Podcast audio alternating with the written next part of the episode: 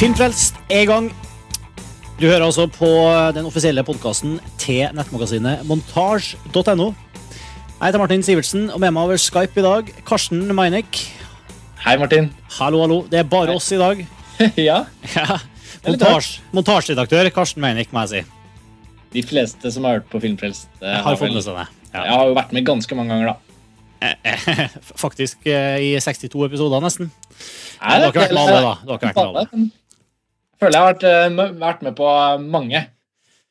Men eh, resten av gjengen vår er åpenbart fremdeles på påskeferie. Eller har i hvert fall eh, kunne ikke være med oss i dag. Eh, men det, det gjør ingenting. Vi har jo, du har jo nettopp eh, kommet tilbake fra, fra Kina.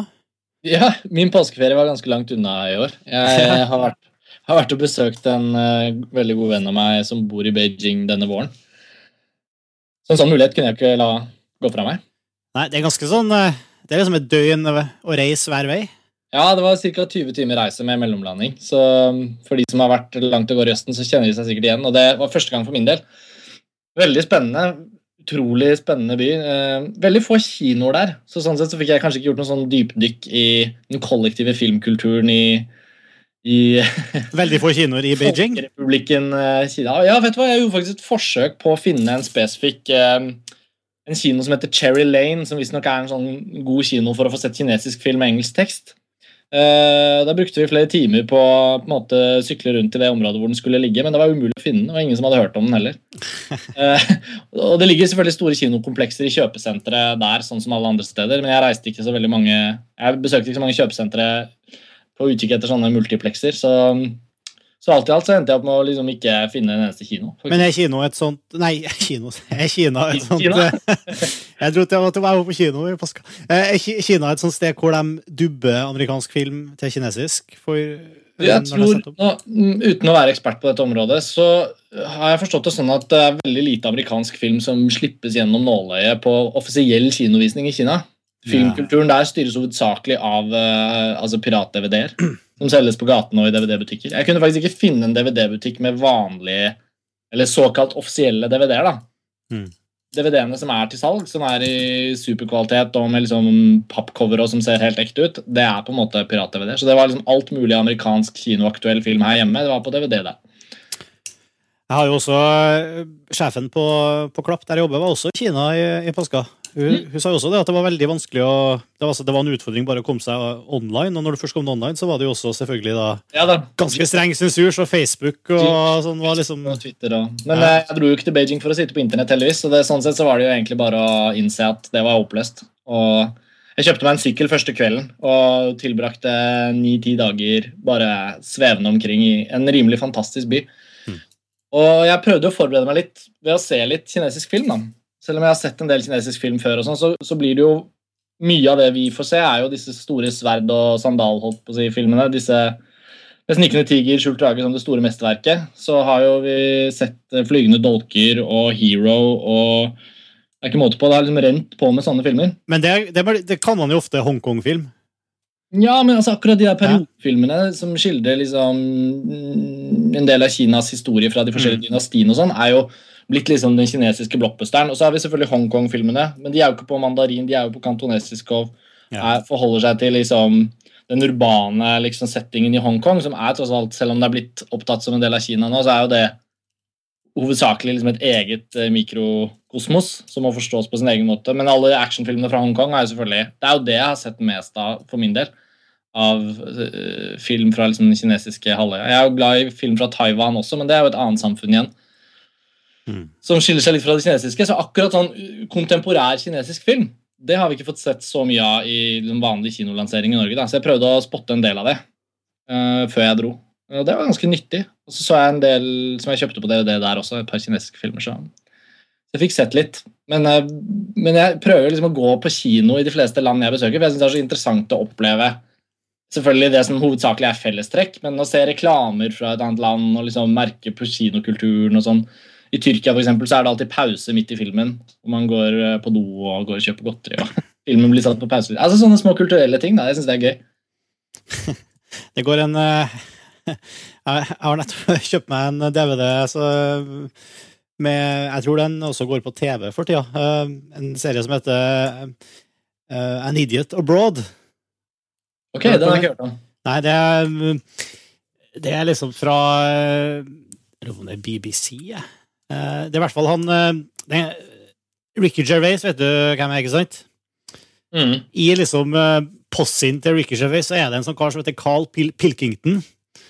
Som er med på podkastene deres og liksom vært med på i radioprogrammene til Ricky Gervais. Sånn som, som de har sendt til, til ut på reise rundt i verden. da. Han er en litt sånn sær type som har alltid en ja, masse pussige betraktninger på ting. da, Så de sendte han til kino. Nei, hvorfor sier jeg kino? De sendte han til Kina. Du tenker bare på kino. vet du. Det Tenk er bare på kino. De, Ja. de har sendt Carl Pilkington til Kina, og, eh, og det er liksom første episode av An Idiot Abroad. Jeg tror jeg har hørt om den der. Og da det, Jeg klarer ikke å la være å tenke på han. Det er han som er helt uentusiastisk til sånne Wonders of the World som han drar og besøker. Ja, ikke sant? Når han liksom den, eh, ikke sant, eh, den kinesiske mur, for eksempel, og The Great Wall of China. Sånn. Ja. It's not a great wall, it's an okay wall. It's, ja, han har mer den, den innstillinga. Ja. Eh, Det er i hvert fall det. Eh, foreløpig lovende. Eh, sånn- Jeg vil si det er eh, langt på vei altfor lite selvironisk holdning i det kinesiske samfunnet. Så de har sikkert godt av å bli tatt litt på Ja, med en humoristisk vinkling. Men vi skal, vi skal jo faktisk i dag først og fremst prate om amerikansk film. Ja, stemmer. Vi har jo to eh, filmer på, på plakaten. Eh, Den ene er Peter Weir sin eh, The Way Back, som nettopp er tatt av kinoen i Norge. Mm, I hvert fall i Oslo, da. Det kan jo hende Ja. den går på noen av de småkinoene rundt omkring, men eh, Ja, det er mulig fortsatt går an å få se den, faktisk. mm. Uh, Men den er nå også tilgjengelig på DVD fra og med tidlig mai, så eh, det er ingen grunn til å ikke få med seg den. Eh, Og så har vi sett eh, Blue Valentine, som er en eh, eller egentlig en amerikansk eh, indie-film. Ja, veldig veldig indie-film. Mm. Eh, Den har jo akkurat hatt premiere da, nå påskekino, så den får vi håpe at holder seg på norske kinoer lenge. Mm. Så Ja, vi skal begynne med Ja, har, har du forskjellige, ganske forskjellige filmer. Jeg syns vi kan begynne med, med Peter Weir The Way Back. The Way Back. Det er jo en eh, stor film, som det gjerne er fra, fra Peter Weir. Ja.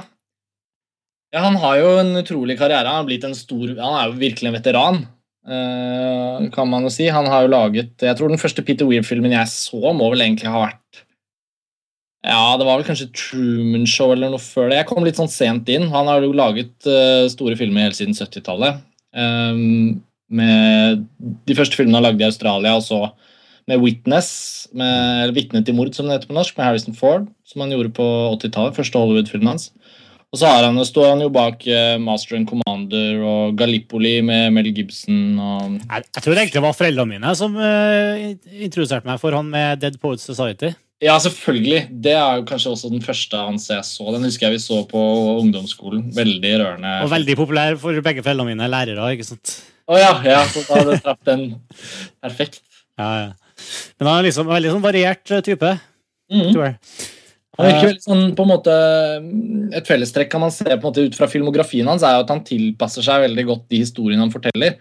Det er på en måte ikke Peter Weir-show når du ser en Peter Weir-film. Han, han, han lykkes jo veldig godt i å bli så usynlig som mulig. på en måte. Han er heller ikke noen veldig kjent fyr. Altså, det er et navn Selvfølgelig filminteresserte kan jo spotte det, men det er jo en fyr som hvor filmene er mye mer kjent enn regissøren. Ja, altså det, er litt, det er også litt vanskelig å finne noe sånn stor felles Noe sånn rød tråd eller noe Ja, typiske virkemidler som er liksom signature trademark. Det er jo alltid litt sånn øh, Ja, hovedpersonen i konflikt med, med sine omgivelser, men eh, hvor, hvilke filmer er ikke det tilfellet? Ja. Liksom. Men jeg vil Ja. si, altså, the, the Way Back den handler jo om en gruppe øh, fanger i, i sovjetisk gulag på 40-tallet under andre verdenskrig som klarer å rømme Fra Sibir. Fra Sibir og, og, og nedover uh, gjennom det som etter hvert blir en, en, en flukt på tvers av et helt kontinent. Så den har jo et veldig sånn strekk i seg, et veldig sånn episk strekk. Uh, og jeg har i etterkant av at jeg både har sett filmen og tenkt en del på den, så har jeg hørt på en, en podkast, et intervju med Peter Weir på The Treatment, en veldig fin amerikansk sånn, intervjubasert podkast.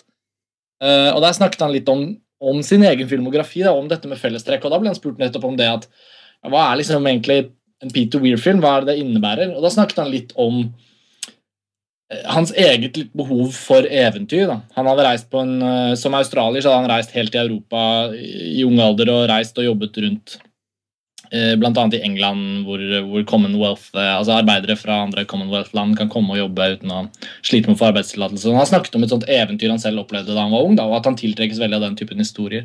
Og Det kan man jo se i hvert fall i noen av filmene hans. da. Ja, altså Master and Commander og, og, og The Way Back er jo veldig der. Ja, og på en eller annen måte Truman Show uh, i en helt annen variant, men i det at han bryter ut fra en setting som han har kjent og som han har vært trygg på, og må innse at verden er større enn det han trodde. da. Altså Hvis man drar det litt uh, ut. Mm. Vi, jeg tror kanskje vi må advare lytterne om at hvis vi skal prate på en fornuftig måte om, eh, om egentlig både om eh, The Way Back og om eh, Blue Valentine etterpå, så, så må vi faktisk kunne røpe litt detaljer fra ja, jeg, prøv, jeg prøvde å begrense meg og beskrive hva slags type eventyr de la ut på, men det er kanskje kjent. Ja, sånn at uh, Hvis dere liksom ikke har sett de filmene her og, og, ikke har lyst til å få handlinga røpa, så er det kanskje en idé å vente litt med å høre resten av podkasten. Ja, kanskje. Jeg tenker i hvert fall, altså, The Way Back er jo en det er jo ingen hemmelighet at de bryter ut av det er jo noe av det første som skjer i filmen. Ja. At de bryter ut av, av fangeleiren der. Så den filmen handler jo først og fremst om en lang reise gjennom et kontinent. da. Det kan man si. Det er jo ikke noe ja. avsløring. Ikke sant. Uh, men hva Liksom Hva, hva, hva syns du egentlig om filmen, for å begynne der? Ja, jeg, jeg, liksom... jo, jeg vet ikke hvor skal man Jeg likte The Way Back. Ja. Jeg uh, gledet meg til den. Jeg har uh, det var vel ca. et år siden jeg skrev en artikkel på montasje for å forsøke å identifisere litt hva det var eh, Peter Weir hadde i ermet. Eh, jeg, jeg, jeg, har en spesiell tiltrekning mot en sånn type på kanten av verden-historier. ikke sant? Robinson Crusoe uh, For så vidt også sjørøver altså sånn Skatten på sjørøver. Altså, sånne eventyr hvor man på en måte reiser til, til det litt sånn uoppdagede. da, Castaway ikke sant, med Tom Hanks som havner på en øde Det var jo en Robinson Crusoe-pastisje, nesten. Jeg har en sånn spesiell attraksjon med sånne historier. og jeg synes det at The Way Back handler om en gruppe fanger som ikke bare rømmer, selvfølgelig, men som må legge ut på en slags overlevelsesreise. Først gjennom Mongolia, så Kina og så videre ned mot Himalaya. Altså, det, var en, det var noe med det der episke strekket som umiddelbart tiltrakk meg. Det er en Peter Weir-film i tillegg, så jeg, jeg gledet meg veldig. Og da jeg hadde sett filmen, så skjønte jeg at jeg egentlig fikk akkurat det jeg håpet på. da. Så jeg var veldig fornøyd. Jeg vil ikke si at det er et liksom, ubestridelig mesterverk, eller noe sånt. Det er, en, det er, en, veldig spesifikk film. Jeg likte den for det den var. Og så kan man diskutere liksom, sider av den. Men, uh, mm. men, det er svaret på spørsmålet, tror jeg. Mm. Hva med deg? Jeg tror jeg er mindre, langt mindre begeistra. Men jeg, jeg hadde jo sett fram til det, fordi jeg, det meste jeg, Nå har jeg ganske, ganske sånn spotty Peter Weir uh, track record. Jeg er ikke sånn, sånn som ja. du sa i forrige som du sa i forhold til Spielberg, så er ikke jeg noe um, komplettist på Peter Weir. det er ikke jeg heller. altså. Det er flere Peter Weir-filmer jeg ikke har sett. Uh, men likevel så nok til at jeg satte veldig pris på Master and Commander, mm. som var den forrige filmen jeg så. Jeg husker Truman Show som en veldig god film. Og, men jeg, jeg, ble rett og slett litt skuffa over hvor, hvor flat jeg syntes filmen var. til tross for at den, jeg satte veldig pris på den som en sånn episk eh, liksom Den derre eh, oppdager-eventyr-payoffen, eh, den, den, føler jeg at jeg fikk. Og, og mm. nøt filmen på det planet. Men rent handlingsmessig, uh, historiemessig, dramamessig, så følte jeg at det ble veldig uh,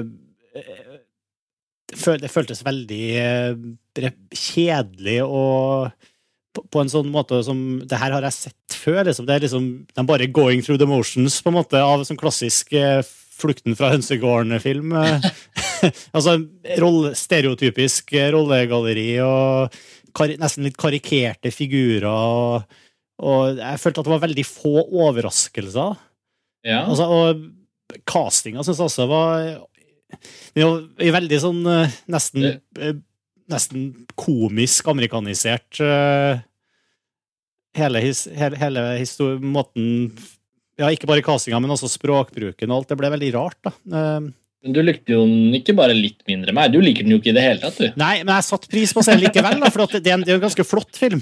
Det er det jo. Ja, ja, herregud. En ganske sånn storslått og fin film, men eh, jeg tror kanskje også litt av grunnen til at jeg ble litt ekstra skuffa, var at jeg bare uka før jeg så den uh, filmen her, Mm. så så jeg uh, en film uh, som heter Rescue Dawn. Ja, den har ikke jeg sett. Nei, det er, altså Werner Herzog har lagd en film satt til, til Vietnam på krigen, hvor amerikanske krigsfanger eh, blir en, starter på akkurat samme måten. De blir satt eh, tatt til fange og satt i en sånn fangeleir. Det er vel også basert på en sånn historie? Det er også basert på en sånn historie. Det begynner også med noe sånn eh, Han nekter å underskrive dokumentene eh, som signerer, så, som sier det og det. Liksom Mm. akkurat samme. Og, og der er det også et nesten tilsvarende rollegalleri, altså figurgalleri, som sammen flykter, og de liksom De får sine indre konflikter, og det er mesteparten av filmen altså, Eller ikke mesteparten, men litt mindre del av filmen der enn i The Back, men likevel, i Rescue Dawn så er veldig mye av filmen satt til, som, til reisen etter at flukten faktisk er Etter at de har kommet ut fra fangeleiren, så er det Mm. veien gjennom jungelen og alle de ekstreme forholdene og liksom psykosene og sulten og alt det fæle de må gjøre for å overleve. Og... Så du opplevde at på et sånt dramatisk psykologisk plan Så så hadde jeg nettopp sett den filmen, av det konseptet i The Way Back? Nei, jeg følte at Way Back liksom bare en Å ja, nå sitter jeg og ser Rescue Dawn igjen, bare i Ja, Sibir og på tvers av uh, russiske kontinenter, liksom. Jeg, mener, altså, jeg, altså, jeg, jeg har ikke sett Rescue Dawn, og jeg hadde Nei. ikke det problemet med The Wayback i det hele tatt. Og jeg syns jo også at cast så rollegallerier rent sånn manusmessig var egentlig en positiv overraskelse, syns jeg, i The Wayback. At det var, det var åpenbart på, på en måte de, visse sånne arketyper som man merker. Man merker jo liksom at det er litt going through the motions, i hvert fall de første 20 minuttene av filmen. Ja. Sette opp karakterene og liksom Han, ikke sant? Du, når du ser det, det, drapet i fengselet på starten, Ja, liksom. men Det var den svakeste delen av filmen, men det er en litt sånn Dette må du ha med deg i nistepakken-type Sånn er det jo med veldig mange filmer. Noen skjuler det bedre enn andre. Men det er jo på sett og vis sånn de skal fortelle den typen historier. Da. Og Derfor var jeg veldig glad for at så fort de kom seg ut og liksom var på rømmen For det er jo det filmen handler om. Den handler jo ikke egentlig om The Great Escape. liksom? Den handler jo ikke om hvordan de skal klare å rømme. Det, det finner de ut av på en måte ganske raskt. Denne filmen handler jo mye mer om overlevelse og hva det vil si å være en gruppe mennesker som på mange måter eh, har havnet i en lykkelig situasjon fordi de kan utvide livet sitt, som allerede så ut til å være bråstoppet av andre verdenskrig, og at de satt i Gulag i Sibir og hadde ingen vei ut, og plutselig kan de likevel få levd sitt liv da, hvis de først kommer seg eh, til et punkt hvor de kan reddes. Og Det å da befinne seg i den usikre situasjonen Greit nok, arketypiske figurer og sånn, men jeg synes det- hvordan den gruppen ble skildret sånn som de taklet det å være på en, en slags endeløs reise. da. Og, og, og, og balansen mellom tvil og håp og frykt og mm, på, øh, forhåpninger. Det, var, det var veldig mange av de tingene som jeg synes de lyktes veldig godt med å dramatisere. Det, til, til det punktet hvor jeg ble så engasjert at jeg ikke engang For jeg visste på forhånd at øh, noen kom til å nå India. på en måte, sånn at øh, jeg, jeg følte ikke at det var så viktig at jeg skulle bli overrasket av historiens bevegelse. Da. Jeg var så engasjert i situasjonene som oppsto at at før jeg visste ordet av det, så var jeg helt inne i reisen. da. Og Det er jo det som også tiltrekker meg veldig ved denne typen filmer. Akkurat som jeg nevnte med ja, Robinson Crusoe er jo ikke en sånn episk bevegelse, sånn sett, men det å til slutt bare innse at man kan identifisere seg med noen i en ekstrem situasjon som er så langt unna hva vi selv kan oppleve, det syns jeg The Way Back lyktes glimrende med. Mm. Men vi har jo hatt litt forskjellige filmopplevelser, høres det ut som. Ja, altså ja. Nei, jeg, jeg vet ikke. det, det var jo altså, Jeg, jeg syns ikke det var en ufilm på ingen måte. Jeg bare ble litt sånn Jeg syns den var litt uh, Ja, det var en uh, midt på treet-opplevelse for meg. da. Ja. For jeg Også, og, og også det her med altså, nå- også det, liksom når han Ed Harris-figuren ja, det er jo den ene, gamle- ene amerikaneren av karakterene. Ja, Mm. kom, som har eh, Han hadde vel mista sønnen sin eh, og hadde mye av sine egne handlinger sitt, jeg husker. jeg. Ja, for Han er bruker vel mesteparten av første halvdel av filmen til å ikke si noe om sin Nei. egen bakgrunn. Han er liksom den lukkede, eldre, kyniske, iskalde fyren. ja, ikke sant? Så får vi vite at Harris alltid spiller. Ja, nettopp. Og så kommer hun jenta ikke sant? Så, og fyller det hullet i livet hans, og så, men så likevel så skjer det Eller Mm. Det, er en, det, også virka veldig, veldig rart, syns jeg. Eller ikke rart, men det føltes liksom så eh, konstruert, på en måte. Ja. Mm. Uh, Ja, Nei, jeg ser den, altså. Men jeg, jeg vet ikke, jeg var liksom inni det. Jeg trodde Ja. på det. Jeg synes hun, hun, altså hun Saoirse Ronan, hun, som hun heter, hun irske, unge irske skuespillerinnen som, spilte i The Lovely Bones og Atonement og sånn. Hun spiller jo denne unge polske jenta som de Mm. treffer på underveis. Jeg syns hun hadde en veldig vanskelig oppgave. Rent manusmessig så ser man jo også at, at det er en veldig sånn konstruert sånn På side 70 ung jente kommer. Altså, det, jeg er helt enig, men på en måte jeg er så lett for å tilgi sånne ting hvis jeg først er inne i bevegelsen filmen er i. da. Ja, ja, så fint, så kommer hun der. Og det at hun da hun klarte å spille den rollen, syns jeg er veldig godt. Hun klarte å å være oppriktig troverdig innenfor den bitte lille dramaturgiske funksjonen hun skulle fylle. Og når hennes rolle er spilt ut, så er på en måte hun også spilt ut. da, ikke sant? Sånn at uh, Jeg syns den var mer altså Jeg kan være med på at den manusmessig var ganske svak, men sånn som hun løste den, og sånn som den spilte seg ut i filmen, så fungerte det også ganske bra for meg. Selv om det kanskje ikke var det beste ved filmen, så syns jeg det fungerte. Hva syns du om slutten, da? Det, Jeg syns det var emotional payoff, da. Det var eh, Jeg, jeg syns, jeg syns det De løste det bra til et punkt. Mm. Og så er det jo en, en slags epilogslutt der. ja, det er nettopp det. det Den hadde jeg litt problemer med. Da følte jeg filmen allerede var ferdig, så var det nesten så jeg ikke fulgte med. Mm. Men eh, nei da, jeg ser den. Den, den syns jeg var påklistret. Jeg tror, jeg tror på en måte jeg rett og slett var litt for, Jeg var inne i opplevelsen. Jeg kan fint plukke den litt fra hverandre, og jeg tror det er en film som dessverre lar seg plukke litt for lett fra hverandre. da. Den, den er ikke så helstøpt, den er ikke så vevd inn i sitt eget materie. Den har ikke den der, eh, Den har ikke den dynamikken i seg. Den er litt for skjematisk. Nei, for, at, for liksom Sammenligna med eksempel Master and Commander, som jeg føler også har veldig mye sånn eh, episke, storslåtte naturopplevelseskvaliteter ved seg, så Mm. har den også, synes jeg, mye sterkere drama. Jeg syns det var en langt bedre film. Ja. Absolutt. Jeg vil jo ikke, jeg vil ikke si at The Way Back eh, kan måle seg med Master and Commander. Det er en film som på merkelig vis har en så komplett historie, og når den er over, så begynner en ny historie, og du får bare lyst til å sitte og se mer av filmen. Selv om den er blitt komplett, og du på en måte har fått en fullendt filmopplevelse, så har den jo den der briljante slutten hvor de setter seil, og nå er det på'n igjen, og så har man bare lyst til å være med. Så det, Den synes jeg er virkelig Og Master and Commander, til de som på en måte avskriver den litt, og kanskje bare har sett den en gang, eller ikke engang har sett den, det er en film som holder seg bra. altså. Ja. Den har jeg sett flere ganger om igjen siden den kom. Det er jo åtte år siden den kom nå, og den, den holder dritbra. Og Da er det jo en bokserie som den er basert på, med mange flere historier. Så jeg, jeg har liksom drømt om at Peter Weir og Russell Crowe og gjengen skal lage en ny film i den serien. En av de seriene jeg har mest lyst på en oppfølger til. Så, men Wayback er jo en veldig avsluttet sånn sett fortelling, da. Hus, husker du den scenen i uh, The Way Back? Bare for å, en ting som jeg husker jeg har bedt merke til, sånn konkret detalj. Husker du dem, eh, Det er så mye mygg en periode. Ja. Og så, og så liksom går, ser de at det er en av de, de innfødte i det området Ja, de er, som, som, ikke, ja, som ikke har problemer med mygg. ja. Så går de opp, og så, og så, ja, så har liksom, han har et eller annet rundt halsen. Så kommer han tilbake. Å ja! Mosquito repellent! Ja, det var en god idé! ja. Plutselig så har alle sammen en sånn uh, greie rundt halsen. da. ja så har det løst det problemet. Ja, Selvfølgelig mygg. Ja, ja, da trenger vi bare myggrepellent. Ja. Så eh, det, skjønte jeg ikke i det hele tatt. Fikk, vi fikk aldri forklart hva det var for noe, eller hvordan. Det var vel bare en eller annen lokal plante, da. Som Ja. de funnet ut at Jeg vet ikke. Nei, jeg, jeg husker bare at jeg, jeg bare sånn Hæ? Hm? What? Ja. Nei da, det var jo en del av det. Det, veldig også, det passer jo veldig bra at det blir fint vær der hvor de trenger det, og finner fisk når de trenger det. Ja, ja. Ja. Ok, nå skal jeg ikke surmule mer. Nei, men altså Jeg kan jo helt fint være med deg når vi sitter og snakker sånn. Jeg, jeg er helt enig. Den har jo Den har jo rett og slett Den er konstruert sånn som den er konstruert. Det var vel Lars Ole i montasje som hadde sett den, som sa at det er en skikkelig bra National Geographic-film. Og det er det du må ta den for. Ja. Og jeg kan på en måte si meg enig i at eh, jeg syns den er, hever seg over det. Jeg tenker det er en sånn Det er en film jeg vil anbefale folk å se. Men den, den er en film som liksom forteller en historie på en bra måte.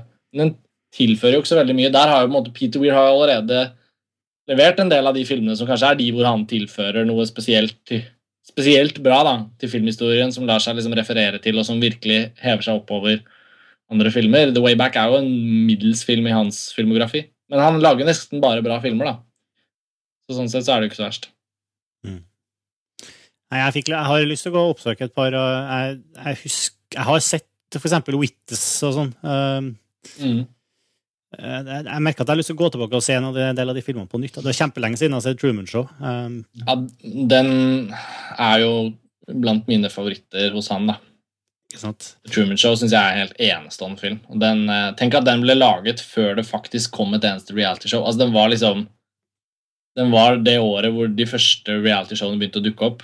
Den hadde allerede liksom gjennomsatirisert og tatt, tatt hele, liksom, hele den bølgen som allerede Og som fremdeles pågår, da.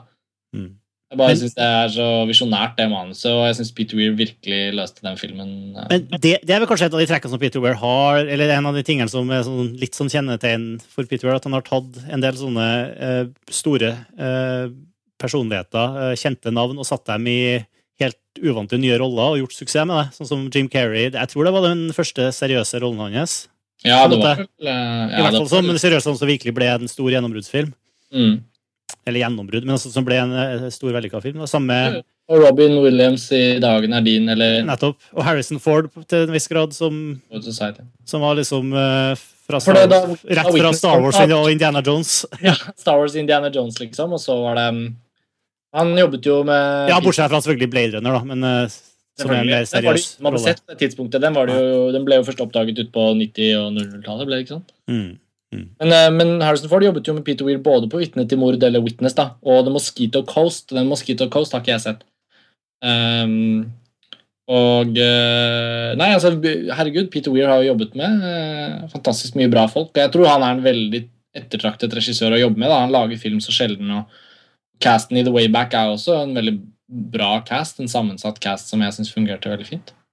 Ja, jeg, jeg, syns det var helt greit, egentlig. Og Colin Farrell kan også si Jeg, jeg syns Ja, det var egentlig de, det var helt OK figurer det. Jeg, jeg ble litt sånn språkforvirra av hvordan de Hm. jeg, liksom, jeg, skjønte ikke, ja, jeg skjønte ikke helt når de snakka engelsk fordi de snakka engelsk, og når snakka de engelsk fordi det var en eh, sånn convenience-engelsk, sånn at det skulle bli lettere for- istedenfor at de skulle gå rundt og snakke russisk og polsk hele tida, eller hva Følelsen av at det er et sånn litt system som de jobber etter der er i sånne filmer, hvor de velger Ja. at de skal snakke det originalspråket i to-tre setninger, og så, Og så går de hopper de over ja. Mm. Og da er det liksom bare Jo, men samtidig så er det jo karakterer her som kan engelsk òg. Ja da, jeg vet. Så mm. Suspension of disbelief. yeah. Ok. Uh, uansett, Jeg syns folk burde se den. Er verdt å se, absolutt. Og nå er den jo tilgjengelig på, på, på DVD og Blu-ray straks. For den er gitt ut på DVD og Blu-ray i England, så man kan bestille den fra Play. Mm. Så var den i iTunes Store for de som har det. Sånn amerikansk iTunes Store. Den er til leie på amerikansk iTunes Store, og den kommer på DVD og Blu-ray i begynnelsen av mai. Ja, Og så slippes jo sikkert den på norsk DVD og Blu-ray til sommeren for de som har lyst til å vente hele tida. Ja, så er det faktisk mulig den går på en kino eller to fortsatt. Da. Ja, ikke sant, nettopp.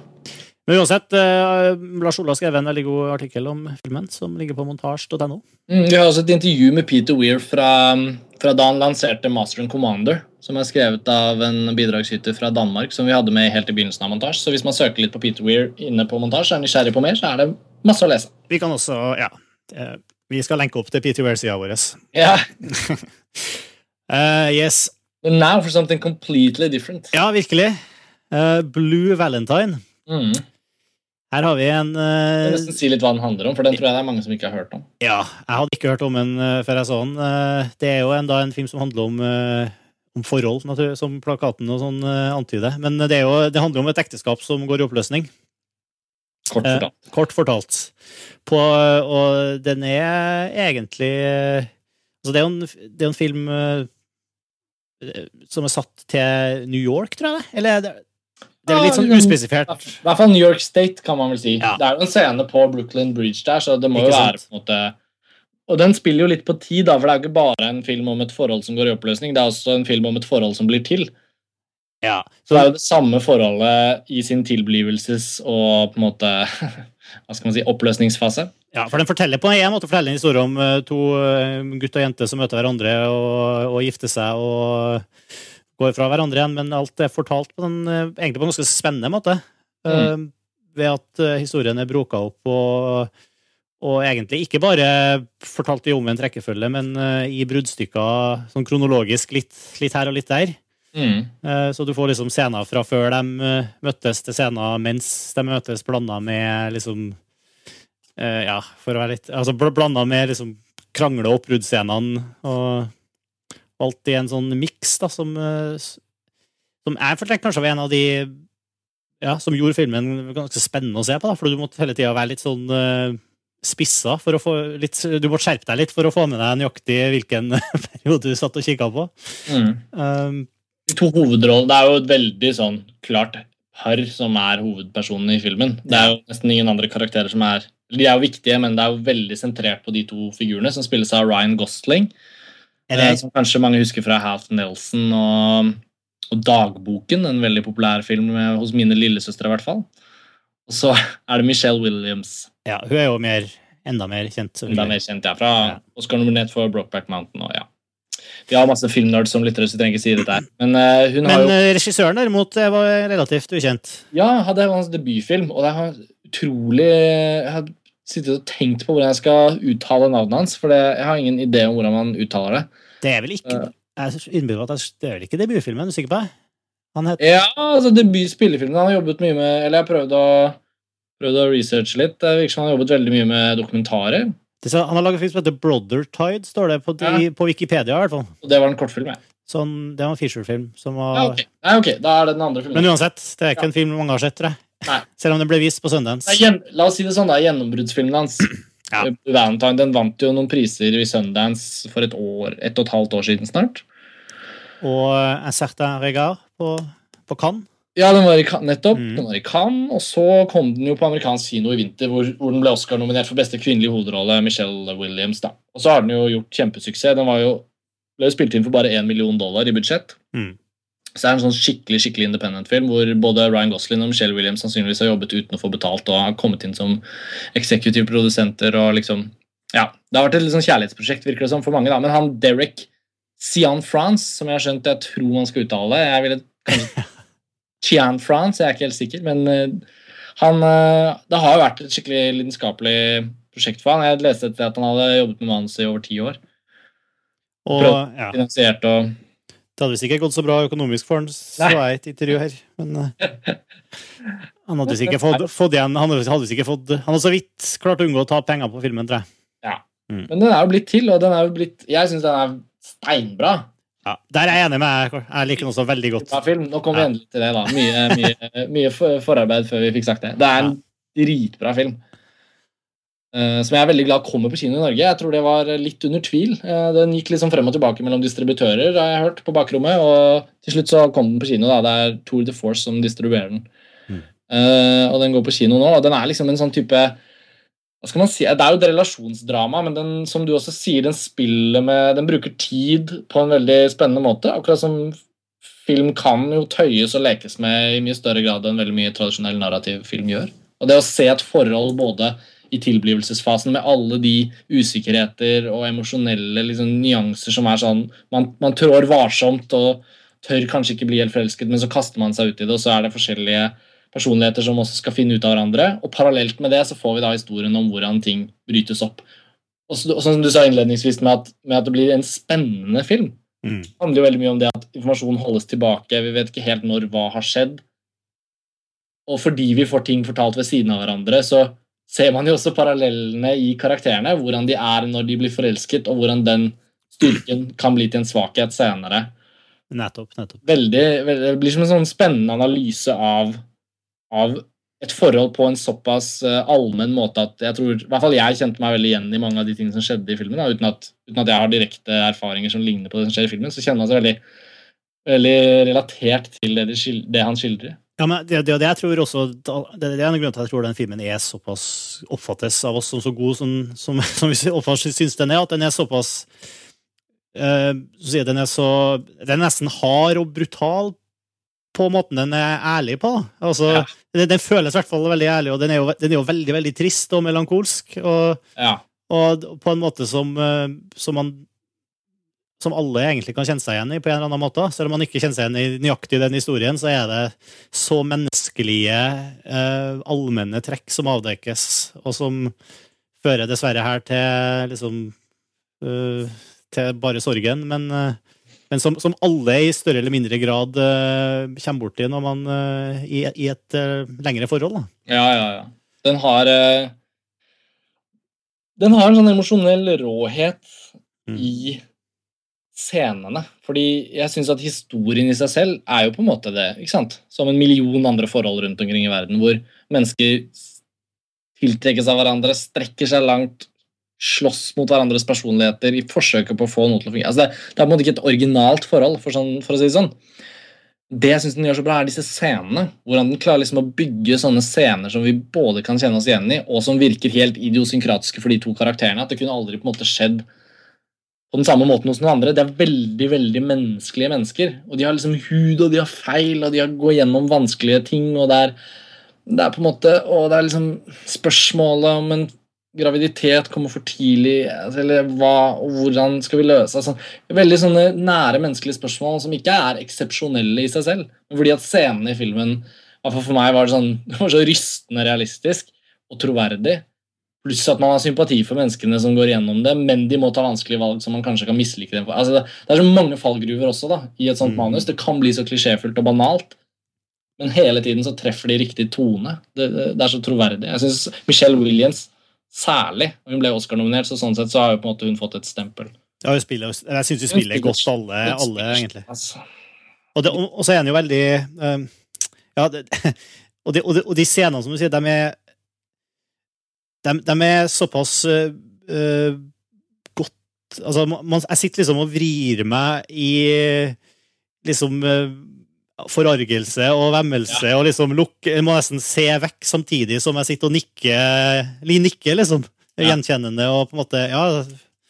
Eller ikke gjenkjenne, men altså Det er liksom Men det er jo gjenkjennende, ikke sant? Selv, ja. om, ikke, selv om jeg har ikke vært gjennom det den filmen forteller om nødvendigvis ikke sant, fra A til Z.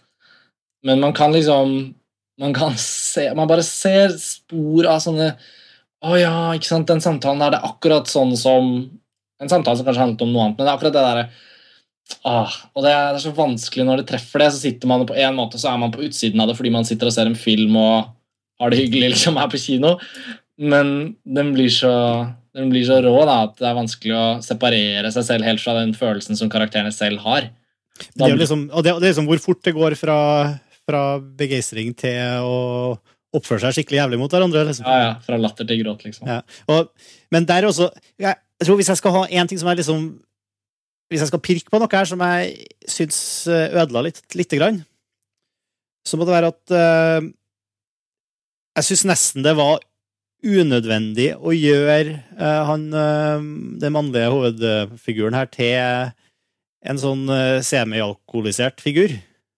Ja, i den um nå snakker du om den senere delen av på en måte, narrativet. Ja, at, når de er et etablert ektepar. Og, ja, og der kommer det frem at liksom, han uh, drikker tar en øl eller tre hver dag før han går på jobb. Og, og, mm. det, og det, ender med liksom, at han i fylla slår, arbeids, slår arbeidsgiveren hennes. Og den, den, scenen Jeg føler liksom at det var nesten litt unødvendig. Uh, og, for det er på en måte det er sånn det er sånn som vi ser i, i veldig, veldig, som vi har sett så, liksom, tusen ganger før i denne type filmer, hvor den alkoholiserte ektemannen på en måte blir voldelig og, og ødelegger, og det er da, de, altså, da må Og hun blir redd og skal, skal vekk, og han er liksom udugelig og urimelig og voldelig.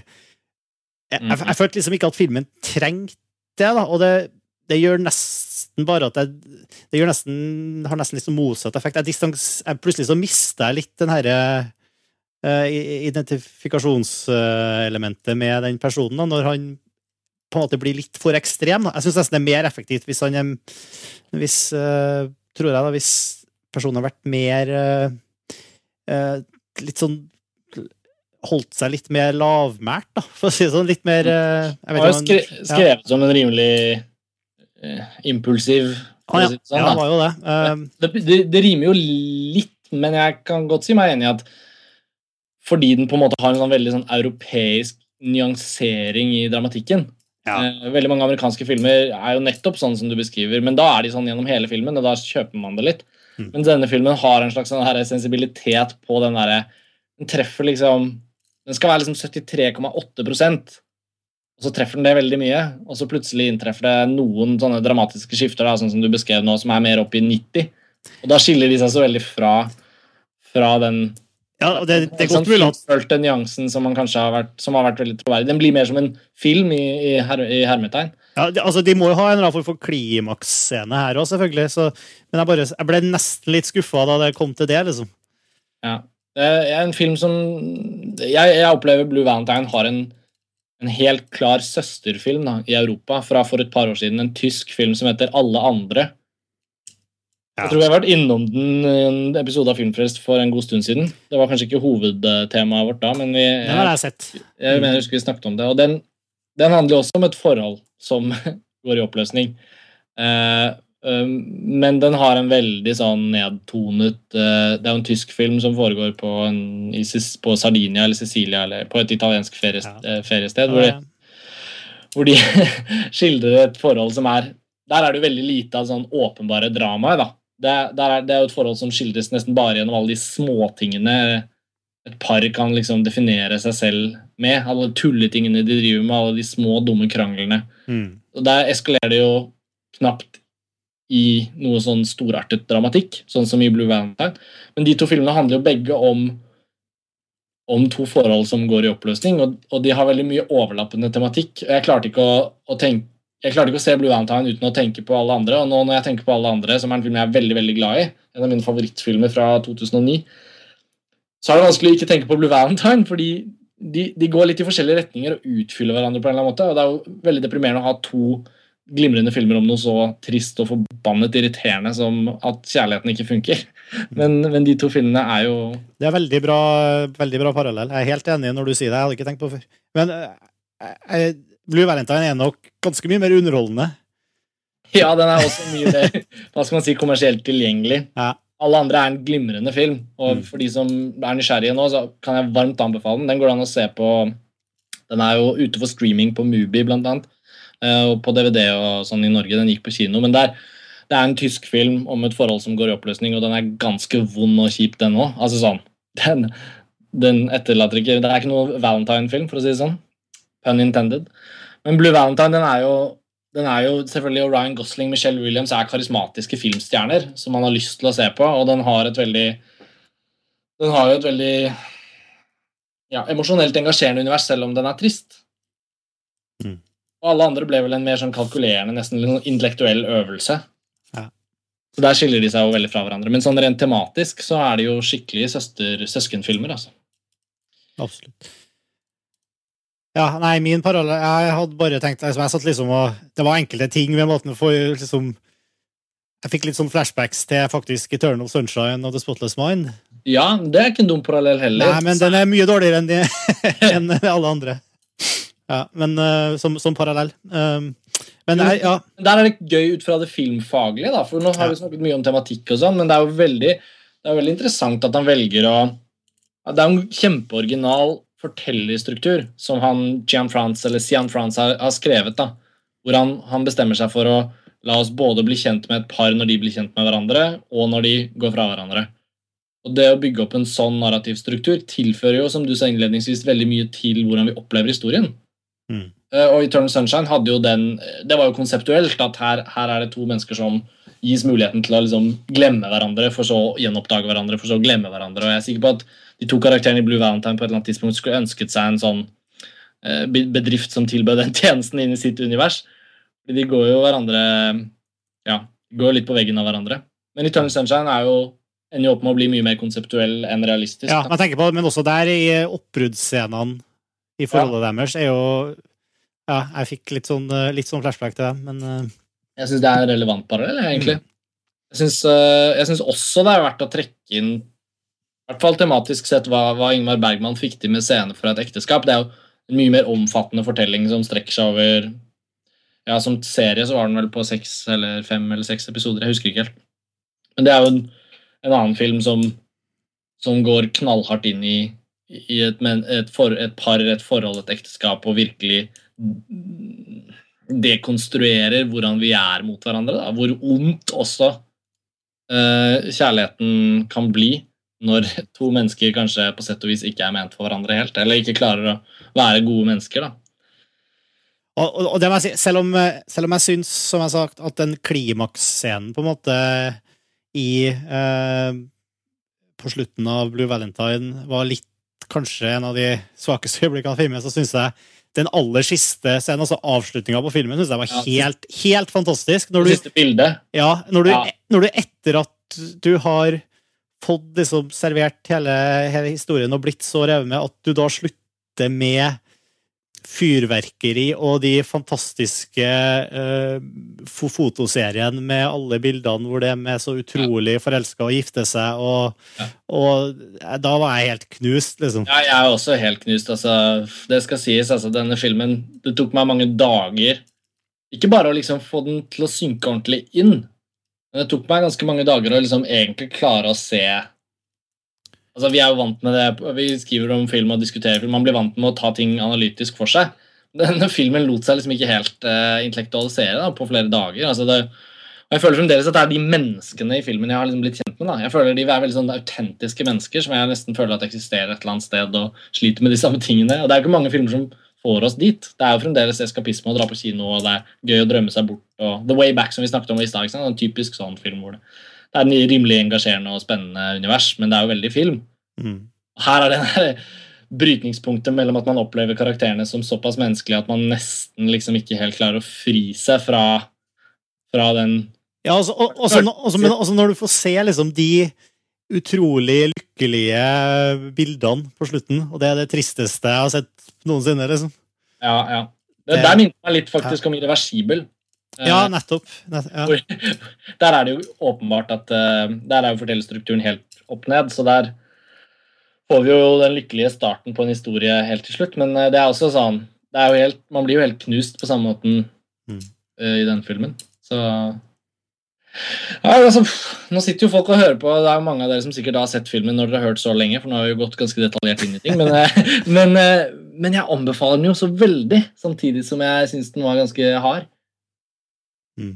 Den er, eh, den er liksom å lese en sånn skikkelig velreflektert roman om noe som gjør at man jeg, det, jeg hadde det med alle andre første gangen, og da hadde jeg eh, året tidligere avsluttet et lengre forhold, og da var jeg veldig Da hadde jeg veldig tynn hud for sånne uh, filmer om et forhold som var avsluttet. Og, og Blue Valentine også, den, den evner liksom å si noe helt reelt om ting som vi har tett på livene våre. Da. Mm. Det er ganske verdifullt målt opp mot ganske mye annet trash som, som går på kino. Så jeg, jeg vil virkelig anbefale denne filmen her, og jeg gleder meg til å se den igjen.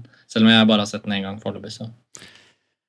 Ja, jeg blir overraska om ikke det blir en av årets store for, for min del, og si, åpenbart for din også, når, når det kommer Ja. for, å, for å oppsummere. Ja, ja, ja utvilsomt. Den er, den er allerede høyt oppe for meg. Og den, og den varer. Det er litt det. Jeg så den i romjulen da jeg var i Istanbul, for da var det en sånn forhåndsvisningsfilmfestival. Du vet hvordan Ikke en egentlig filmfestival, men litt sånn at kino, et par kinoer i Istanbul som viste filmer som skal komme senere på våren. Og jeg så den alene, og det var litt sånn Ja, fikk litt å tenke på etterpå. Men nå har det jo gått fem måneder siden da, så jeg gleder meg til å gå på kino i Oslo og, og se den igjen. Men um, det er mye å tenke på der, og det er jo en veldig lovende film, ettersom eh, han eh, regissøren eh, ikke har vært særlig etablert før nå. Det skal bli spennende å se hva han gjør videre. Ja. Det syns jeg. Det er ikke mange amerikanske regissører som, som får til den typen filmer som det her. Nei. Nei, så absolutt. Begge tomler opp til, til Blue Valentine. Ja, gå og se den. Yes. Eh, Og nå har vi spoila hele greia, selvfølgelig. Så, Ja, det, men det, men det syns jeg er viktig hvis det fremdeles er folk som hører på og sitter og lurer på om filmen ble spoila nå. Så absolutt ikke. Nei. Man har en ganske god idé om hvor den filmen er på vei, men det er alle scenene underveis, det er alle de små detaljene i filmen som det er greit å ikke vite om. på en måte, For det er det, alle de situasjonene og hvordan ting brettes ut. Det er jo der selve kjernen ligger. Tror ikke man får noen dårligere opplevelse av filmen selv om man vet litt om selve plottet. yes. Uh, skulle vi eh, Vi ble vel enige om at eh, nå som vi har snakka gjennom våre headliner-filmer, skulle vi ta en liten runde og se om vi har sett noe annet interessant det siste Ja. som, Vi kan jo det. som det er- behøver nevnes? Det er spennende å høre på bare oss to. ja. klarer vi å liksom Vi har ikke Lars Ole til å kåre noen nye mesterverk, eller Men Blue Valentine, ja, nei, ja, den kan- ja, den er oppe til vurdering, altså. Den kommer i hvert fall fint Nei, ja, jeg er helt enig. Det er i hvert fall oppe til vurdering. Mm. våre. Det syns jeg er gøy. Det er, litt sånn, det er litt morsomt å ta det opp når man er i slutten av april. Men jeg kan med sikkerhet si at Blue Valentine eh, ligger veldig godt an. Jeg har jo sett eh, Jeg kan bare si det, Jeg skulle liksom tenkt litt for meg selv hva jeg hadde sett det siste som var verdt å prate om. Er det ikke filmpåske i livet ditt da, Martin? Nei, jeg har Ferie er det mest slitsomme Jeg har jo to småbarn vet du, på under eh, fem, så Du har ikke sett biler igjen, da? For, eh, Nei, den skal jeg på kino i sommer, da. På, Ja, det kommer jo nye ja. biler. Eh, Jeg har sett mye Pixar. da. Jeg har sett Toy Story 3 i hvert fall fire ganger i påska. Da får jeg tid til å analysere den virkelig. Men det, det fortjener en. Ja. Uh, nei, men det, det som jeg har sett det siste som, som kunne vært interessant å prate litt om, er Let Me In. Som er den, selvfølgelig den amerikanske remaken av en av uh, de store favorittfilmene uh, på Ja. montasje de siste årene. Ja, jeg har også sett den som mm. Ja. Den svenske 'Lat den rette komme inn' er selvfølgelig opp originale opphavsmateriale her, som igjen er basert på en bok, selvfølgelig. Mm. Eh, og ja, den amerikanske filmen er, er regissert av Matt Reeves, som, uh, som kanskje er mest kjent for uh, Cloverfield. Mm. Eh, og den har to barneskuespillere, selvfølgelig. Cody Smith McPhee, som vi kanskje husker fra The Road. Og Chloé Moretz, fra, som, som er Hva heter hun? I Kickass. Um, Som særlig gjorde inntrykk i Kickass, som hit, hit girl. Hit Girl, ja. Eh, jeg kan bare si først at jeg syns skuespillerne funker veldig bra. Uh, og jeg har eh, på en måte Egentlig så syns jeg filmen var ganske bra. Uh, eneste problemet er at jeg syns alt var bare hakket dårligere enn den svenske filmen. Og det var på en måte Jeg tror at hvis jeg ikke hadde Jeg er ganske sikker på at hvis jeg ikke hadde sett La den rette komme inn eh, tre ganger fra før, så ville jeg ha regna uh, Let Me In som en ganske bra film. Tror jeg. Hvis det hadde vært det første gangen jeg hadde blitt presentert for den historien og hadde sett den uh, ubesudla. Som uh, jo er målgruppa for filmen her. Det er jo amerikanere som ikke har sett den originale Som ikke kjenner noe av uh, det andre materialet. Som ser Mm. det for første gang. Og jeg, sånn sett så syns jeg den var relativt vellykka på den måten. da.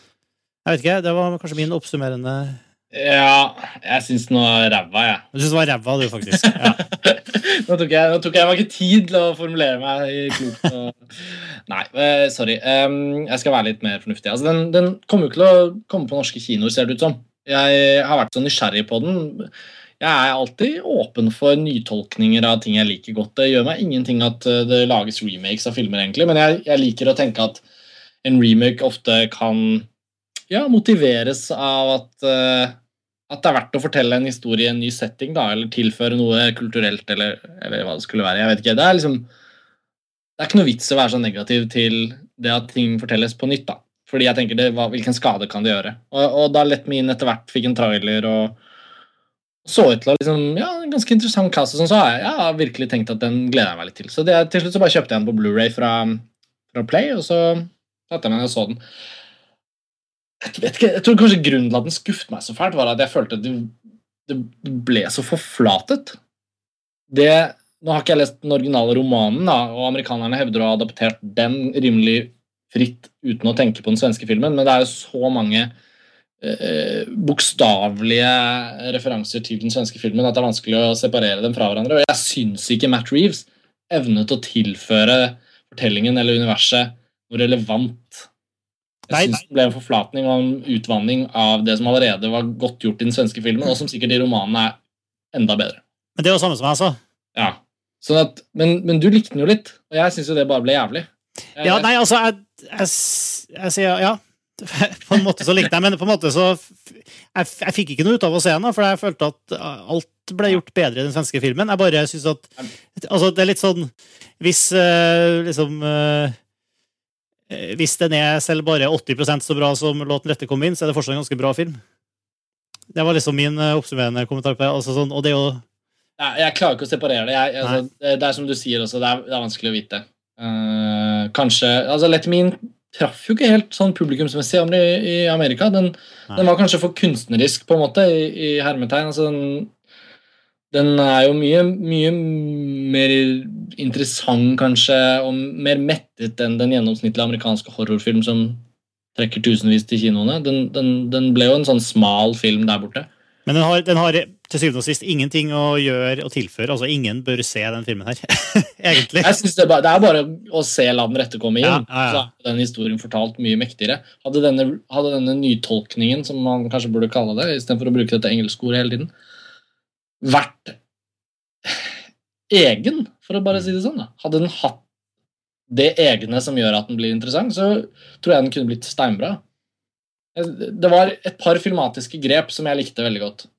Jeg syns de scenene i bilen De har jo forflyttet disse Fra parken til biler. ja. Blodspingsdrapsscenene som han eh, Opppasseren til hun eh, vampyren skal ut og hente blod, de har jo forflyttet over i sånne bil, biler istedenfor ute i skogen. Og det er jo fjern, altså All humor, all litt sånn derre All litt sånn underfundig, rar humor som den svenske filmen hadde, er jo borte. Men de bilscenene synes jeg var veldig imponerende. De var kult løst på en filmatisk måte. og det, det, det var en sånn spenning der som var annerledes enn i den svenske filmen. Men utover det så har jeg faktisk ikke så veldig mye pent å si om Men så har han jo også prøvd å gjenskape en del av de virkelig sånn spektakulære scenene fra, ja, sånn, fra, fra, fra svenske filmen, som rett og slett bare ble ja, som rett og slett bare ble dårligere.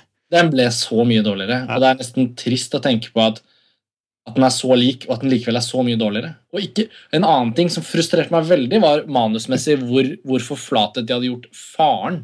Altså faren til han hovedpersonen, han gutten. Ja.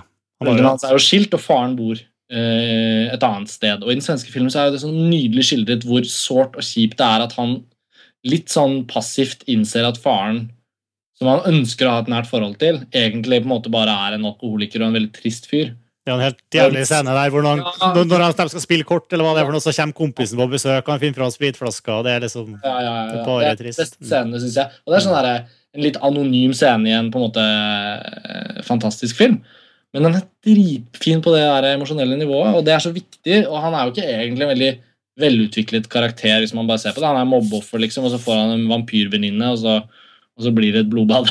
Mm. Men det er akkurat det i Sverige, i den svenske versjonen, som tilfører ham så mye sårhet, da, som gjør at man kan leve seg inn i det veldig sånn åpne, spinkle, bleke ansiktet. Mens i den amerikanske versjonen så var det blitt til en litt sånn sur fyr på telefonen. Og det var det. Det ødela så mye for hvordan vi identifiserer oss med hovedkarakteren. Mm. Så det var flere sånne ting som ble ganske grove forflatninger av hva som, hva som er så nydelig gjort i den svenske filmen. Og det skal jo sies at La den rette komme inn for meg er en av de virkelig store filmene fra forrige tiår. Den kom jo også veldig høyt på den kåringen vi gjorde over nulltallets beste filmer. For de som husker den. Så vi er egentlig ikke så fryktelig uenige, da. Eh, selv om eh, min Altså, jeg, Snillere. jeg, jeg bare sa det på en litt snillere måte, men jeg mener jo at det er en, det er en eh, litt det er, ganske, det er en svak kopi av La den rette komme inn, som ingen bør se.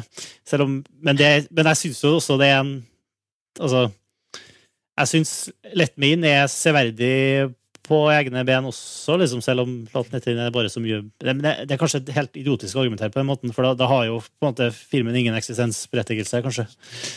Men eh, Ja, jeg vet ikke, jeg. Jeg tenker sånn, det, det de alltid argumenterer for i forhold til nytolkninger, er jo sånn at det amerikanske publikum ville aldri oppsøkt den svenske originalen. Den fikk riktignok et ganske stort publikum i Sverige, nei, i Amerika.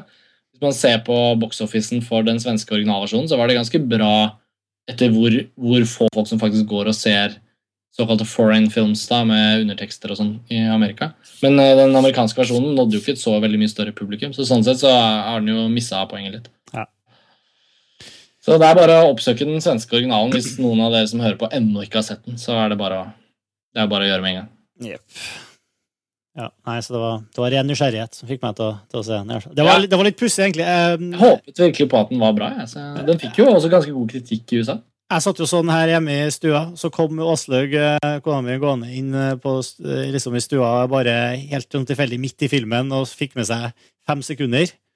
Og vi, vi hadde sett, vi har sett låten rette komme inn, den svenske, eh, sammen tidligere.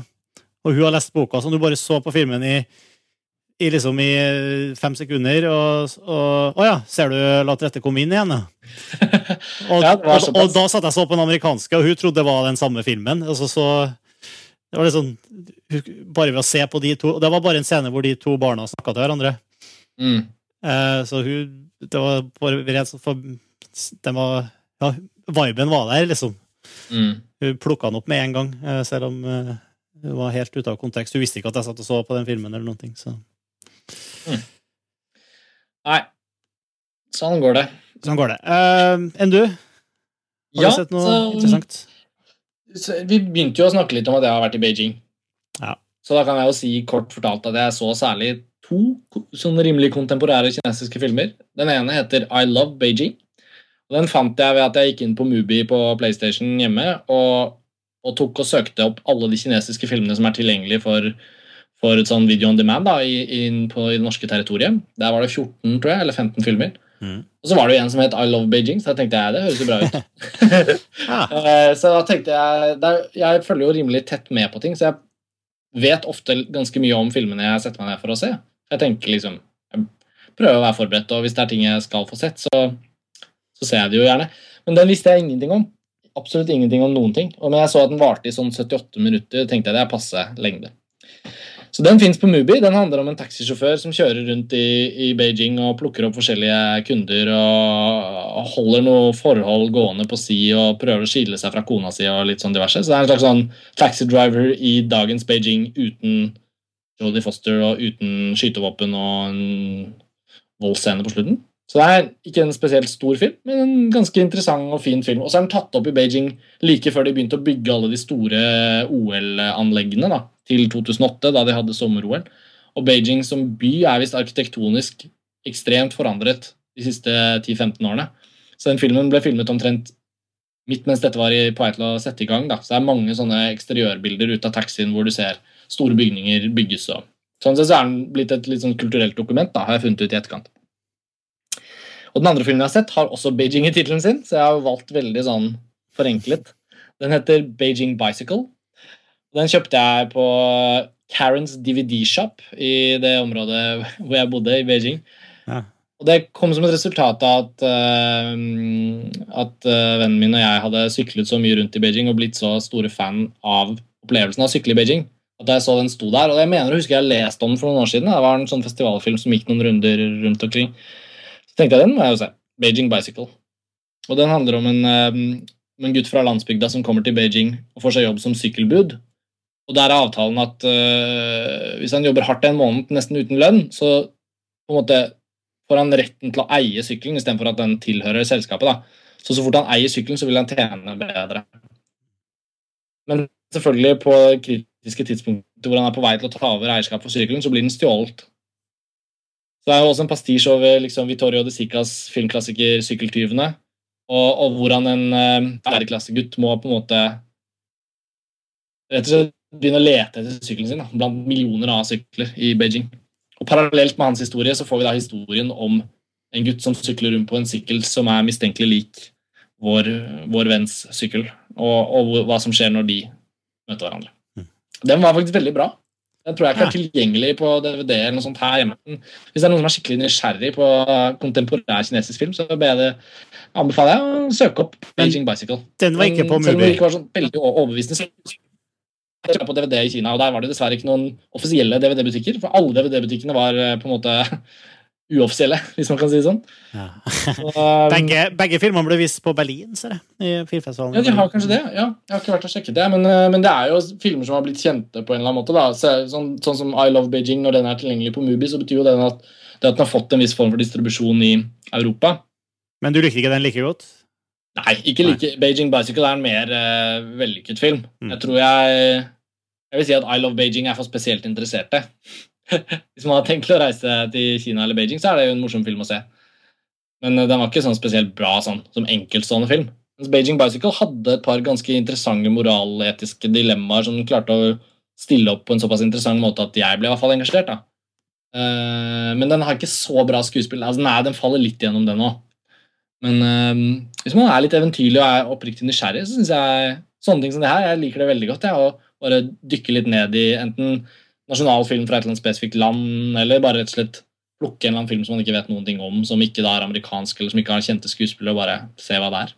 Mm. Så det ble litt sånn for meg i påsken. Pluss at jeg så noen filmer på flyet, da, men det, det er så dårlig måte å se film på at det er nesten ikke Så du amerikanske eller kinesiske filmer? Ja, på veien bort til Beijing så så jeg da var det, jeg fløy med KLM, hvor de hadde ekstremt mye film tilgjengelig. Det var liksom sånn en egen mappe med klassikere hvor det bare var sånn All President's Men og Easy Rider og alt mulig bra greier som jeg ikke orket å begynne å se på fordi det er så frustrerende å se bra film på en dårlig måte. Så det jeg endte opp med å gjøre, var å spole halvveis inn i Inception og så se den derre siste timen av Inception. Eh, det var ganske tilfredsstillende.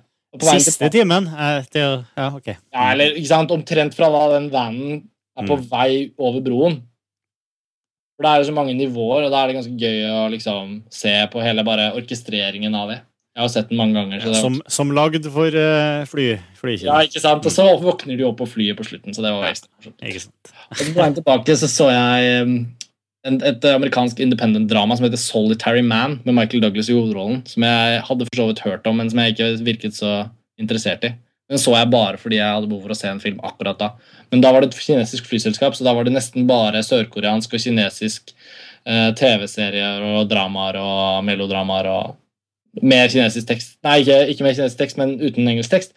Det var helt meningsløst. Så ja. Ikke, så, ikke verdt å snakke så mye mer om, egentlig.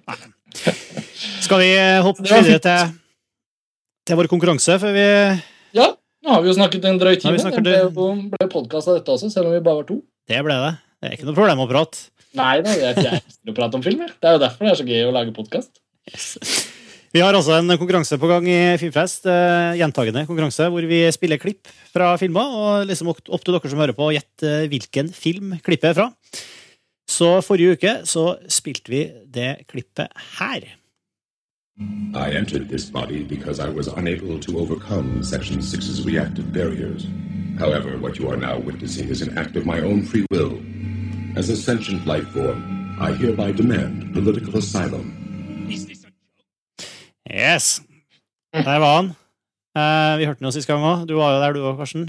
Dro du, dro du kjensel på filmen? Nei, jeg gjorde ikke det. Nei. Uh, Det var det faktisk en del av våre lyttere som gjorde. Uh, Mange som sendte eh, eh, e-post om, om det. Eh, En av de som sendte riktig svar, var Ola Aunrønning. Han skriver at eh, svaret er Kokaku Kidotai, Okay. som er også kjent som Ghost in the Shell. Ja. Ja, fra 1995. Japansk eh, anime-klassiker eh, som, eh, som selvfølgelig har blitt eh, et internasjonalt fenomen. En film jeg er veldig glad i, i hvert fall. Og jeg, jeg sa jo også i eh, Den er regissert av Mamoru Oshi. Eh, og vi nevnte jo forrige episode da vi, den handla forrige episode handla jo om Steven Spielberg, og jeg sa jo at filmen var løst Spielberg-relatert.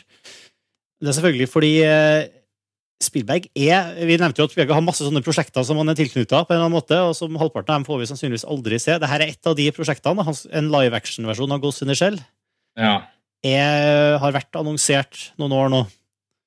Og det har også vært rykt, ryktes at han som skrev manuset til Shutter Island, eh, skal står bak manuset til Ghost in the Shell. Da er det angivelig en film basert på den opprinnelige manga-tegneserien. Mm. Så Jeg har gått rykter om det prosjektet her, men det tror jeg ikke kommer til å skje. det, Nei, men det har vært veldig kult. Jeg vil skulle gjerne sett en uh, live action Ghost in the Shell eh, fra Steven Spielberg. Eh, Det er en veldig sånn pussig film. Jeg er usikker på om den klarer å overleve skrittet fra stilisert anime til, til live action. Uten, eh, uten heftig Ja. Uansett, det har vært artig, å se en Hollywood-take på den. Men det er i hvert fall eh, Ola, du får eh, premien. Og premien har nå Det er ikke lenger T-skjorta vi gir ut. Det er for tida DVD-overraskelsespakka fra eh, distributøren Arthouse. Så da er en liten pakke med DVD-er på vei til deg, Ola. Jeg vet ikke hvor mange DVD-er det er. Det vet du, Karsten? Ja, det er vel øh, fem, tror jeg. Fem filmer, er faktisk. fire filmer og et soundtrack, faktisk. Det, det er litt av en Det er ikke verst. Mm, nei, det er ganske bra. Uh, Så det er nye sjanser sjanse til å vinne en Artas-pakke nå i uka her. Så da er det bare å spisse ørene og høre om dere drar kjensel på den filmen her.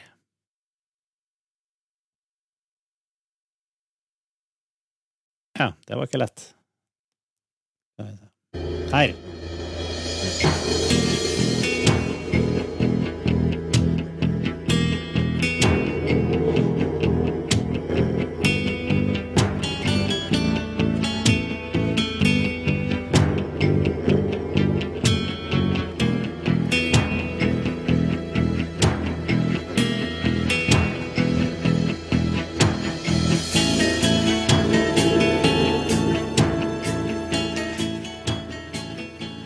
Yes. Her var det ikke mye dialog. Det var ikke mye dialog. Så hvis dere dro kjensel på Det er altså åpningstittel, kjenningsmelodien, til en film. Så vi trenger da altså at du sender tittelen på filmen og postadressen din, så vi vet hvor vi skal sende premien hvis du vinner. Til filmfrelst at montasj.no. Så setter du konkurranse filmfrelst 62 i emnefeltet, så har du en rimelig god sjanse til å vinne. Eh, Så det, det var ukas lille utfordring. Eh, Og med det så er vi vel stort sett i mål, er vi ikke det, Karsten? Jo, jo. Det Ja. føles som vi har fått en god runde på det vi har sett siden sist. Og um, jeg syns det var deilig å få snakket om The Way Back. eh, For det er jo en film som dessverre, da, som vi har nevnt, ikke går på kino, i hvert fall i Oslo lenger. Men, men ja, og den er såpass annerledes fra Blue Valentine, så da følte jeg vel liksom For de som ikke har sett noen av dem, så kan vi liksom varmt anbefale dem. Blue Valentine på kino og Wayback på DVD. Det burde kanskje vært omvendt, men eh, Ja, ja, Nei, Blue Valentine er en bra kinofilm. ja, det er en bra kinofilm. Ja. bra. Skikkelig god datefilm. ja. Man må i hvert fall få luket ut dritten tidlig. Yes. Hvis man ikke funker etter å ha sett den, så funker man kanskje aldri. Nå går det mot Cannes-festival. Det gjør det. Det gjør det neste. Det er vel ganske stor sannsynlighet for at neste Filmfrelst har noe med Cannes å gjøre. Det er veldig spennende. Vi er jo Eirik og Lars Ole og jeg i redaksjonen skal da reise til, ned til Syd-Frankrike og delta på filmfestivalen i Cannes i hele festivalens varighet, faktisk. Så vi kommer til å være der fra 9. mai til 22. mai. Så det blir en episk tilstedeværelse. Det må jeg si. Ja. Da må vi eh, kanskje ha en Jeg har vært filmfan utrolig lenge, men jeg har aldri vært i Cannes. Og det er jo på en måte et slags eh, mekka for uh, cineaster, så jeg gleder meg som et barn. Og nå er det jo både en norsk film i sideprogrammet Satan Regard, Joachim Triers Oslo 31. august, og så er det altså en norsk kortfilm som er tatt ut i hovedkonkurransen for kortfilm, så det er jo vel så, om ikke enda mer stas, egentlig. Hvilken kortfilm? Kjøtt, Kjøttsår heter den. Den er regissert av Lisa Marie Gamlem. Så det er superspennende. Og så er det Linn Ullmann sitter i juryen, og den norske filmbransjen kommer jo selvfølgelig til å være godt representert og dra ned distributører og diverse, og montasjer dit, og nei. I praksis en norsk festival i år. Det er veldig norsk å si det. Ja. Det er verdt å glede seg for. Det er selvfølgelig ikke en norsk festival i det hele tatt, og det spennende med Cannes er jo ikke det norske, det er jo alt det andre. Og det blir utrolig gøy, og det blir ny, ny Lars von Trier-film, 'Melankolia', og det er en ny film av Lynn Ramsay, som knapt lager film. Altså Hun har jo laget uh, Ratcatcher og Morven Color, og det er ni år siden forrige film, så hun har en ny film. Og Aki Kaurismäki har en ny film, og så er det jo alle de filmene man ikke vet om, fra regissører som kanskje blir nye oppdagelser, og det er vel så spennende. Og så er det gamle restaurerte klassikere. Og så Tree of Life. ja, det er Tree of Life av Terence Malick, hvordan kunne jeg Mm. glemme det? Altså, det, er, det, er jo, det er jo julaften. Så, Julaften. For, og det blir for første gang for min del, så jeg gleder meg som et barn. Så vi kan følge med selvfølgelig på, i spaltene på montasj.no, og forhåpentligvis får vi til en eller annen filmfrelst happening, minst, derfra. Det har vi vel allerede begynt å planlegge så vidt i kulissene, så det, det skal bli spennende. Og der uh, gamlefar Erik Fogel Han er jo også til stede i Cannes i fem dager, tror jeg. Han er på alle festivaler og ser aldri en film. Han er jo, er jo virkelig mentor i så måte. Så han har sikkert noen gode tips. eh, og er sikkert hypp på å være med. Han har jo rapportert fra Cannes både i fjor og i forfjor, hvis ikke jeg husker feil, til Filmfrelst. Så vi får prøve å gjøre enda mer ut av det denne gangen. Men supert, da høres vi om eh, Ja, det blir vel et par-tre uker til. Ja. Alt avhengig av når vi får gjennomført Kangren. Så det var veldig artig, Karsten. Det var det, Martin. Vi snakkes neste gang. Og takk dere som har hørt på. Vi snakkes. Hei. Ha det.